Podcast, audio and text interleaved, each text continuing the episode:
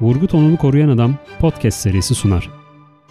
Bayanlar baylar, Lüzumsuz Bilgiler Ansiklopedisi. İkinci sezon. Genel kültür, bilim, sağlık ve daha birçok alanda bildiğimiz şeylerin kökeni merak edenler için burada.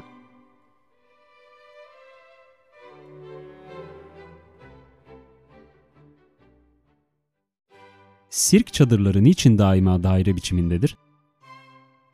18. yüzyıla gelinceye kadar cambazlık, ateş yutma ve benzeri gibi gösteriler sokaklarda halka, saraylarda ise asillere yapılıyordu. Philip Astley, bugünkü modern sirklerin kurucusu olarak kabul edilir. 1763 yılında kurduğu sirkinde ana gösteri ata binilerek yapılanlardı.